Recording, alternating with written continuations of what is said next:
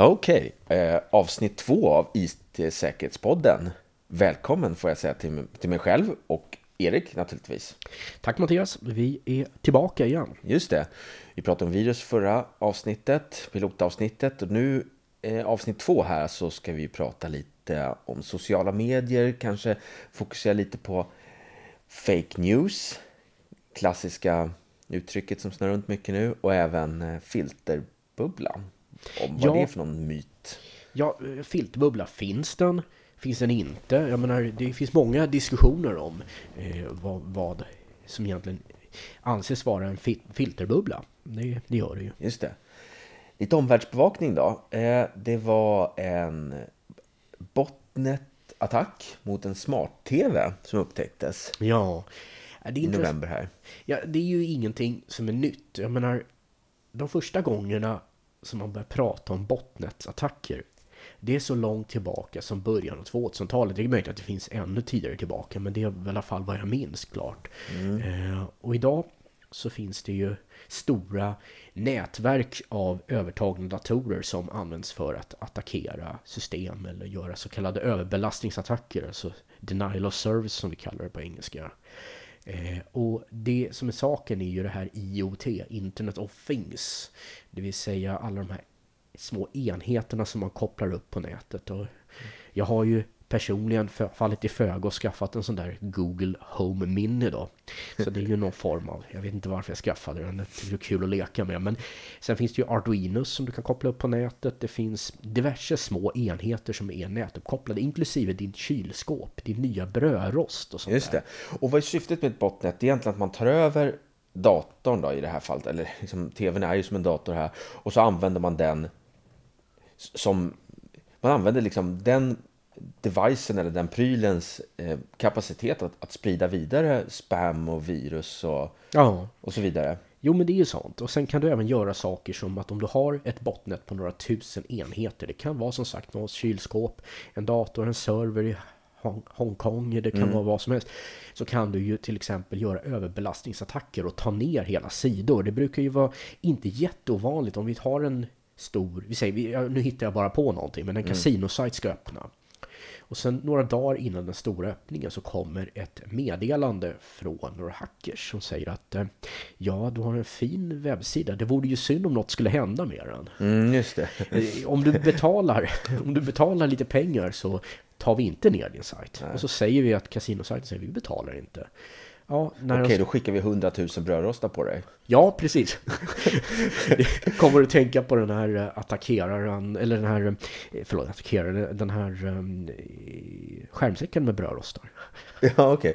Ja, den nog fanns missat. på 90-talet. Jo, den var populär. Men hela det angreppssättet är ju väldigt intressant för det, man, man, man plöjer ner ganska mycket eh, säkerhetsarbete i sin dator, eh, i serversystem och så vidare. Men på något sätt så blir den svagaste länken alla andra saker som också blir uppkopplade nu för tiden. Ja, jo precis. Det är ju det som är problemet. Jag menar som sagt, Internet of Things. Så jag tycker IoT ligger väldigt nära IDIOT. Idiot. För det är vad jag känner. Att, Ja. Måste allting sitta på internet? Är, är det nödvändigt? Eh, Det är, liksom, det är den första frågan jag ställer mig. Ja, precis. Nu får jag en app eh, när, när brödet är klart till brödrosten. Jag vet inte riktigt. Jag måste starta om brödrosten för den hängde. Men när hade man det problemet sist? Senast? Nej, det kommer ju komma framöver. Men det känns ju som det. Ja, och liksom... Alltså de, de tillverkarna då förstås av brödrostar eh, är, är väl bra på sin sak, men IT-säkerhet, hur mycket satsar de på det kan man ju undra. Ja, alltså, ofta, nu ska jag inte klandra Linux, det är inget fel på Linux, jag gillar Linux. Men många av de här IoT-enheterna kör en utdaterad, alltså en rätt gammal Linux-kernel som helt enkelt inte har patchats på år och dag. Eh, patchar man Linux-kerneln så är den perfekt att använda som server och sånt där. Det är inte det, men om du har, oavsett vad du har för operativsystem och du, du har inte lagt till säkerhetsfixar ingenting, så blir den ju sårbar. Så att många av de här enheterna, de uppdateras aldrig. Och sen kopplar du dem rakt ut på internet. Och det är klart, ja. Det finns ju en eh, sajt som heter Shodan, shodanhq.com, som, eh, som du kan söka på möjliga sårbara enheter med. Den hittar webbkameror och sådana saker, eller internetkameror och sådana saker, så du kan ta reda på vad det finns som är öppet på internet som du bara kan gå rakt in i. Just det. Och sånt där används ju för olika typer av eh, överbelastningsattacker när du har tagit över maskiner och använder datakapaciteten för att sända spam eller attackera sajter eller överbelastningsattacker eller liknande saker. Mm. Ja, men intressant utveckling i alla fall. Och liksom, ja, men det är ju självklart att, att kylskåpstillverkare och såna här saker, de, de struntar ju nog i vilken version av kernel på Linux den är. De vill bara kunna säga till sina användare, titta nu, nu har vi en häftig app här som säger mm. att nu är mjölken slut ungefär. De är inte riktigt där i kanske säkerhetstänket än. Nej, jag får den känslan. Utan att försöka raljera över hur dåliga de är på säkerhet förstås, men det är väl ganska, ligger väl i sin natur på något sätt om, om man är en brödrost eller kylskåpstillverkare eller vad det kan vara liksom. Ja. Men det, det, är bara att titta tillbaka på Android som ju hyggligt säkert. Men för ett antal år sedan så konstaterade jag att det kom sårbarhet till Android och min telefon fick inte patcherna. Och jag började kolla varför får jag inte säkerhetsfixarna för de här sårbarheterna? Nej, det är din telefonleverantör. Eller förlåt, din, in, din teleleverantör. Alltså i mitt fall var det ju Telia då. Som skulle leverera de där, påstods det. Det var vad jag kunde se på internet. Jag tänkte, hur tänkte ni nu? Mm. Är det inte bättre att eh, Google själva Um... Jag vet tyvärr inte hur jag ska hjälpa dig med det. Ja, förlåt jag mig. lära mig. Ja, det där är vad som händer när man säger G-ordet. För jag har en sån där, ja, den kan jag inte ens säga Home Mini. Den vaknar när man säger, säger namnet på det stora företaget med G, ja. Att, att, apropå uppkopplade prylar. Ja, det där är en typisk IoT-grej. Men den sitter bakom en brandvägg, det ska jag säga. Ja, det är väl bra. Eh, Ja, men så den, med den där rösten då får vi kanske gå över till dagens huvudämne då. Ja, vi lämnar... Uh, Omvärldsbevakningen. Ja, Eller om det inte har någonting annat som har hänt nu den senaste tiden här under... Nej, Nej, jag tror att det är ungefär där. Just det, sociala medier. Ja, just det. Nej, men det är ju en intressant fråga. Och det är ju två saker som man talar mycket om nu. Det ena är fake news. Ja. Det är inte helt nytt, men ja, det kommer där som ett ganska viktigt område. Och det andra vi pratar om är filterbubblor. Finns de eller finns de inte? Mm. Och jag skulle vilja backa lite bandet en smula och, och tänka lite, resonera lite kring källkritik. Det sägs att vi, vår generation, du är född på 70-talet, jag är född på början av 80-talet. Mm. Sägs att vi ska vara väldigt dåliga på källkritik. Mm. Eh, men jämfört med dagens ungdom. Jag vet till exempel, det finns ju sådana som går i gymnasiet nu eller som har precis har gått ut. Där har man ju eh, källkritik på um, schemat. Ja. Jag kan inte minnas någon gång under min skolkritik, att, min skoltid, att man pratade källkritik. Det gjorde vi faktiskt. Uh, men då, inte vad jag kommer ihåg i alla fall. Uh, ja, jag kommer ihåg att vi hade, det var inte en jättestor bit, men det diskuterades. För att det var ju ändå så att dat datorer började komma och det fanns ju typer av databaser. Vi diskuterade de här integritetsproblemen som kunde vara och även som källkritik. Vem är det som är avsändaren till meddelandet. Just det. Mycket om. Och när det uppkom till exempel. Mm. Och varför. Liksom är personen neutral mm. i, i, i, sin, i sin ställning till ämnet? Mm. Och eh, finns det andra eh, källor som, som, som visar samma sak och så vidare? Precis. Jag menar liksom, hur, hur är det egentligen med källkritiken? Jag tycker att man, man ser ju kompisar och kollegor och sånt som delar lite hejvilt. Alltså en sak för några år sedan eh, det var en sak de gjorde då, eh, berättade min morsa faktiskt, att eh, några lärare på en kurs hon var på sa att ta reda på när Gustav Vasa föddes. Och då gick folk in på sin, nu säger jag inte namnet, favorit eh, sökleverantör. Vi kan säga Altavista då? Om du ja, Alta Vista. Ja, Altavista Home. Ja. det finns ju inte kvar längre, men visst, absolut. Nej, mm. Någon form av eh, leverantör där och sökte på det. Och efter ett tag så fick man presentera svaret. Och de flesta gav felaktiga svar. Mm -hmm. Jag vet inte om det fortfarande är så, men om man tittar på de första svaren du får på nätet och antar att de alltid är korrekta så är du ganska illa ute. Eh, det är inte säkert att folk vill sprida desinformation om när Gustav Vasa föddes. Det kan vara så enkelt som att det är felaktig information. Eh, de har skrivit fel datum. Och av någon anledning så har det rankats upp så man ska vara försiktig med att bara anta att I'm feeling lucky, du vet, den där knappen. Den, ja, den är inte alltid så jättebra att använda. Precis, det gör att man kommer till första... Första svaret som stämmer, ja. Och nu för tiden när man, när man tittar på sin favoritsökmotor så är oftast ehm, det är sponsrade länkar högst upp. Jo, men det står å andra sidan. Ja, Och det kan jag köpa. jag, det, jag brukar personligen bara rulla förbi dem och så tar jag första länken som kommer efter dem. Jo, det gör jag också. Det är så alla gör tror jag. Är, jag, jag vet inte, ibland så hittar man någonting sådär. Ja. Ja, det är kul om man söker på, säg Volvo och man får Saab som... Nej, det kanske inte gör längre, men ja, du vet vad jag menar. Ja, precis. Ja. Exakt. Eh, Men med den källkritiken då, tror du... Alltså nu resonerar vi lite. Det här, det här, eh, den här avsnittet får bli lite mer resonerande kring våra, våra tankar kring det. Tror du att när folk är sämre på att man har en tendens att, att det blir mera... Att, att, att, man, och att det är så lätt att dela information i dagens samhälle än det var förut. Att, att det blir mera spridning av skräpnyheter eller fake news som det kallas. Alltså det är ju en... Om vi tittar tillbaka på hur det var förut så var det väldigt reglerat vem som fick framföra publika budskap. Eh, det var sändningstillstånd och ansvarig utgivare och myndigheterna var väldigt hårda med. Jag menar, jag höll på, jag har ju en bakgrund inom närradion som var föreningslivets radio på svagare effekter, lägre täckning och sånt där, men man kunde höras i närområdet i alla fall. Och det var en, en ruljans med papper som måste in hela tiden om sändningstillstånd, du var tvungen att visa att du inte var under förmyndarskap, det var massor med saker och kontroller. De här kontrollerna var ju till för att se till att man kunde hålla någon ansvarig för budskapet.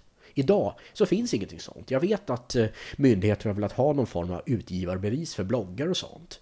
Men det är ju ingenting som någon kräver idag. Nej, men det finns ju liksom hela professionella nyhetssidor med massvis med nyhetsartiklar och såna här saker. Det, kräv, och det är alltså ingen... Det krävs ingen godkännande i, någon instans egentligen för att en sån nyhetssida Nej. upp. Så, så jag kan skapa upp en nyhetssida och hitta på vad som helst egentligen. Och då är frågan, vem är aktören bakom budskapet? Det är liksom, jag får ju via Facebook, det finns ju många andra ställen man kan få sina, ja, sina social fix eller vad man ska säga. Ja. Men jag, jag är rätt mycket på Facebook då. Ehm, och då finns det folk som skriver, eller vänner till mig som sprider någon form av politisk propaganda. De gör det ju inte av illvilja eller någonting, men de sprider olika typer av politiska budskap som är lite kontroversiella och sådär. Och När jag tittar lite grann på det, jag tycker det är lite tråkigt att se det där, men när man tittar på det så konstaterar man att rätt ofta så är det felaktigheter, direkt påhittade fakta eller saker och ting där de misstolkar allting för att det ska stämma med någon form av budskap. Och man bör bara slå upp det här och säga ja men där stämmer inte, de där siffrorna är inte korrekta. Och då tänker jag så här, man tittar på kommentarerna så verkar folk köpa det utan att eh, liksom kommentera på det och säga att ja, men det här är fel. Det är sällan man säger jo men det här är fel. Allting det krävdes var att gå in på någon antiviral sajt. Till exempel det finns en del, Metro har en, det finns flera som har. Eller bara Hur funkar en sån? Vadå? i princip så samlar de eh, de senaste propagandabudskapen som kommer och Just som det. visar, är det här korrekt rent faktamässigt? En del av de här sakerna är korrekta. Mm. Men mycket, en stor mängd av dem, det är felaktiga siffror, misstolkningar, direkt påhittade siffror och uppgifter och sånt. Just det, en av de mest kända i Sverige var ju kanske när man spred eh, om eh, vår statsminister Löfven hade en, en, en bild när han hade en klocka som, som han Ja. sa var en Patek Philippe som kostade 270 000 eller någonting. Och då spreds det ju som en löpeld att ja, hur ska, ska någon från Socialdemokraterna ha eh, värsta dyra klockan och såna här saker. Eh, men det visade sig vara en klocka som kostade ungefär 700 kronor. Ja, Eh, och då, då var ju till och med Klocksnack som ett stort forum där var ute och tvungen att, att förklara hur det ligger till. Men det visar sig på något sätt att folk var mer benägna att, att dela det vidare och, och sprida sitt, sitt budskap till exempel. Då, då. Man pratar ofta om en form av falsk auktoritet. Att någon person som säger att de vet någonting bara för att de har en doktorstitel eller, eller har någon form av, vi, vi har koll på de här grejerna. Man, man, man ger någon form av bild av, bara för att jag är en auktoritet så är allting jag säger sant. Just det. Så det gäller att vara väldigt försiktig. Vem är avsändaren? Är avsändaren den de påstår de är? Men mycket av de här sakerna som står i, säg Facebook eller någon annan sajt, de har ju ingen egentlig avsändare utan det är dina vänner som skickar dem. Mm. Och var de kommer ifrån är lite oklart. Och lite varför. Det är Ja. förstås viktigt. Va- Varför skapar man en sån artikel kan man ju tycka. Vad- Mm. Vad är liksom syftet med den i bakgrunden förstås då? Ehm, det är ju fake news, men det, det, fake news används ju lite slarvigt ju. Om, om jag Ja. förstått det rätt så är det riktiga begreppet då såna här äh, riktiga nyhetssidor där det kanske är en organisation bakom som skapar artiklar, eh, sprider ut det och så Mm. vidare. Medan kanske Donald Trump har använt fake news för att, för att liksom Ja. eh, lite spygga alla på sina antagonister som CNN och så vidare. Ja, jo, jo, det är skillnad mellan hur han använder ordet fake news som någon form av... Ja, de, de skriver elaka saker om mig, det tycker jag inte om. Till fake news som är påhittade nyheter. Så att det, det, är, lite, det är lite skillnad däremellan. Det, det är det ju naturligtvis. Men eh, Men vad är det för intressen bakom? Ja, bakom en sån som, alltså det sitter flera folk som skapar upp en nyhetssajt som ser professionell ut, man skapar nyhetsartiklar, eh, man försöker sprida de här. Vad finns det för någon eh, syfte bakom en sån sak? Ja, så jag tror att det är lite olika beroende på vem du frågar. Jag menar, mycket diskussion har ju varit och det måste man ju ändå säga. Det är det förmodade Rysslands påverkan i eh, saker och ting som det amerikanska presidentvalet och sådana saker. Eh, och även diskussioner om Ryssland eller andra nationer för den delen. Vi ska inte nödvändigtvis peka ut Ryssland där. Som har statsaktörer som fejkar nyheter. Och det har ju bevisats flera gånger att det finns. Eh, Sen är det ju även privatpersoner som kanske driver sin egen agenda därför att de känner att eh, vi är emot det här eller vi, vi för det här eller någonting. Och sen så driver de sajter där de är kritiska mot någonting.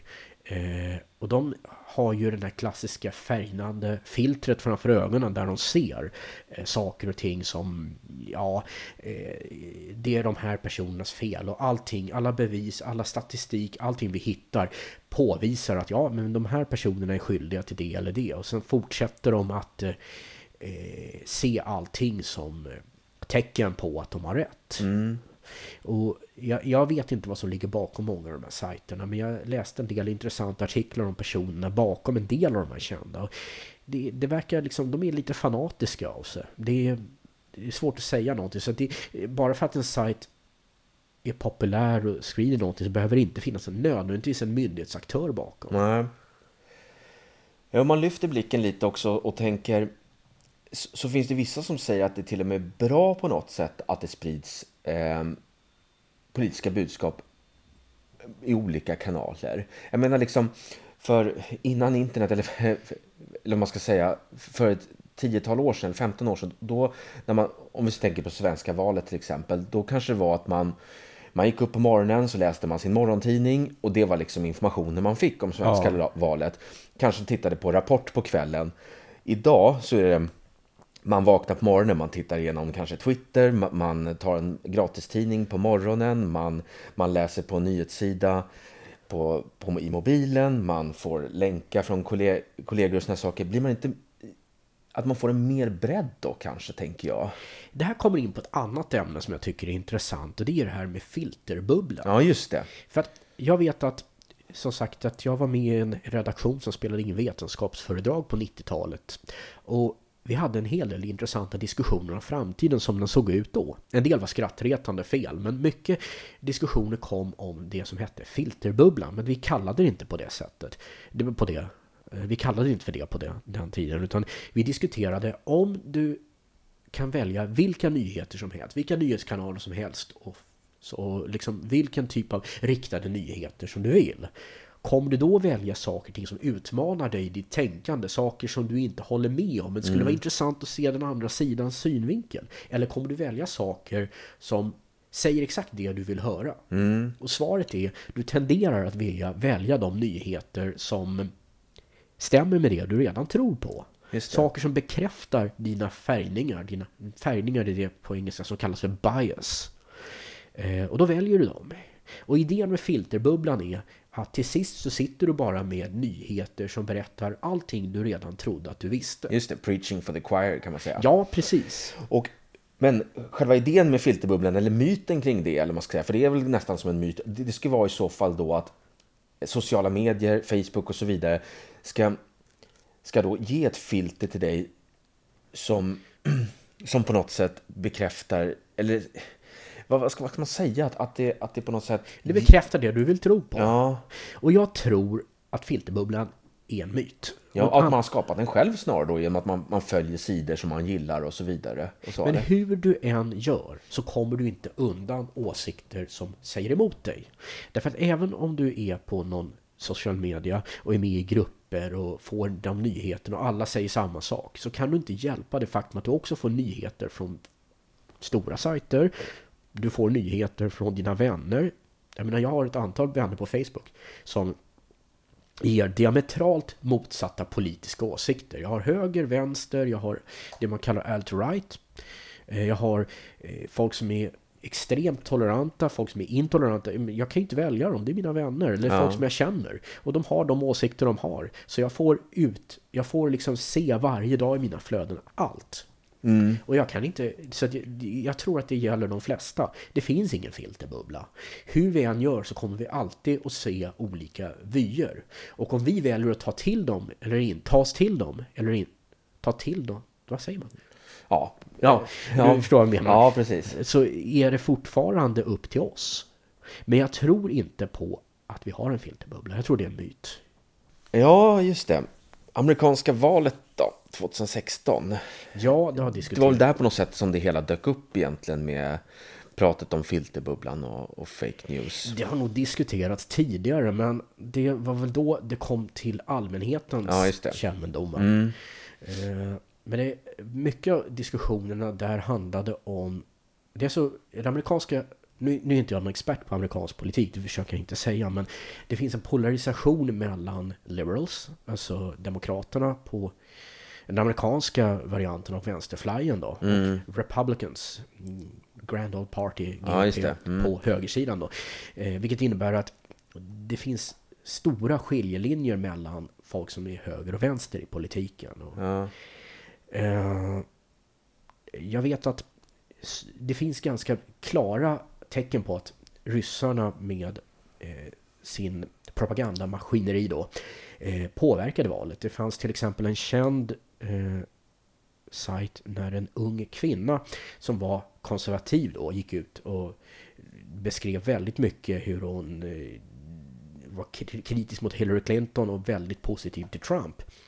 Det visade sig att hon fanns inte i verkligheten utan det var någonting som den här ryska så kallade trollfabriken själva hade tagit fram. Just det. Och Buzzfeed har ju upptäckt att det var hundra sajter som, som 100 nyhetssajter lokaliserade på en stad i Makedonien som var pro-Trump. Ja, det låter ju rimligt. Det, det, det, det- kan inte vara misstänkt. Antingen är de väldigt intresserade av, av amerikanska valet i den där, i den där staden då, i Makedonien. Ja. Men, men det finns i alla fall någon form av fake news trollfabrik. Och det är ganska, det är lite skrämmande för det är på nog ganska hög stor politisk nivå.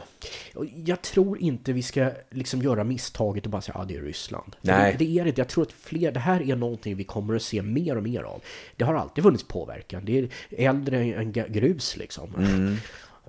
Men om man spekulerar lite, kan det bli så här i framtiden att det här blir lite mer legaliserat sätt eh, för, för politiska partier att, att eh, sprida sina budskap? Förstår du? Att man, att man på något sätt sponsrar olika nyhetssajter och, och försöker fånga upp eh, väljare på det här viset? Jag ser redan i om man tittar på kabelnyheterna i USA så finns det ju en stark koppling mellan många nyhetsorganisationer och politiska riktningar. Vilket inte nödvändigtvis betyder att politiska partierna sponsrar. Det, det behöver inte vara så alls. Men det klassiska är ju att Fox News till exempel ses som väldigt eh, konservativt och har en form av riktning åt det hållet. Och MSNBC är väldigt eh, mer åt vänsterhållet då, sådana saker. Och CNN har väl också kommit under, under luppen där. Och, eh, Men om man tänker så här, det blir inte så kraftfullt för mig om jag, om jag ser ett budskap kommer från, vad ska man säga, Moderaterna eller, eller Socialdemokraternas officiella Facebook-kanal till exempel. Det blir Nej. lite mer så här, det här är ju ty tydlig reklam. Jo. Men om de skulle bearbeta kanske eh, bloggar, influencers och, och skapa eh, nyhetssidor och sådär som man inte riktigt förstår, då blir det kanske lite mera kraftfullt kanske. Jag Jo, sitter och det- tänker om det kanske skulle kunna bli så att, att det här kommer kanske bli en mera legaliserad vardag på något sätt. Att det, att det poppar upp massa nyhetssidor och om information om valet. Propaganda egentligen, fast mer dold. Och då får du liksom en annan bit av det här vi kallar för false authority. Det är inte riktigt samma sak, men i princip så har du, vem är det som är avsändaren? Jag menar, om det är bloggaren Andreas som skriver det, betyder det att det är hans åsikter eller är han köpt? Det, det, det, det är en sån här sak man måste, det är inte som man ska bli paranoid och förutsätta att varenda person du pratar med är köpt av någon.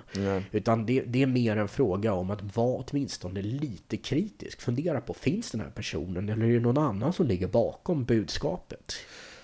Ja, det är int- intressant snack där. Eh, Det känns som vi bör avrunda lite nu då, tror jag. Jo, jag tror att Är vi det har kommit dit vi någonting skulle. du vill tillägga som du har missat eller sådär? Nej, som sagt att eh, keep an open mind but not so open that your brains fall out. Just det, det är lite trist. Men, eh, och återigen, det som vi började lite med, källkritik är väl på något sätt, gäller väl. Ja, Så, så länge man har koll på, att, man, att, man, att man kanske innan man delar någonting i sina sociala medier, eller in- eller innan man tar till sig någonting, eh, att man tittar på vem har skrivit det och varför. Ja. Finns det andra källor som, som, eh, som stödjer det här på något sätt? Så är väl det en ganska bra sätt att utgå ifrån. ja precis. Kolla innan du sprider. Men det, ja, nej men det är ju vettigt. Börja så. Ja, då tackar vi för idag då, så Ja. hörs vi framöver. Det gör vi. Bra, hej!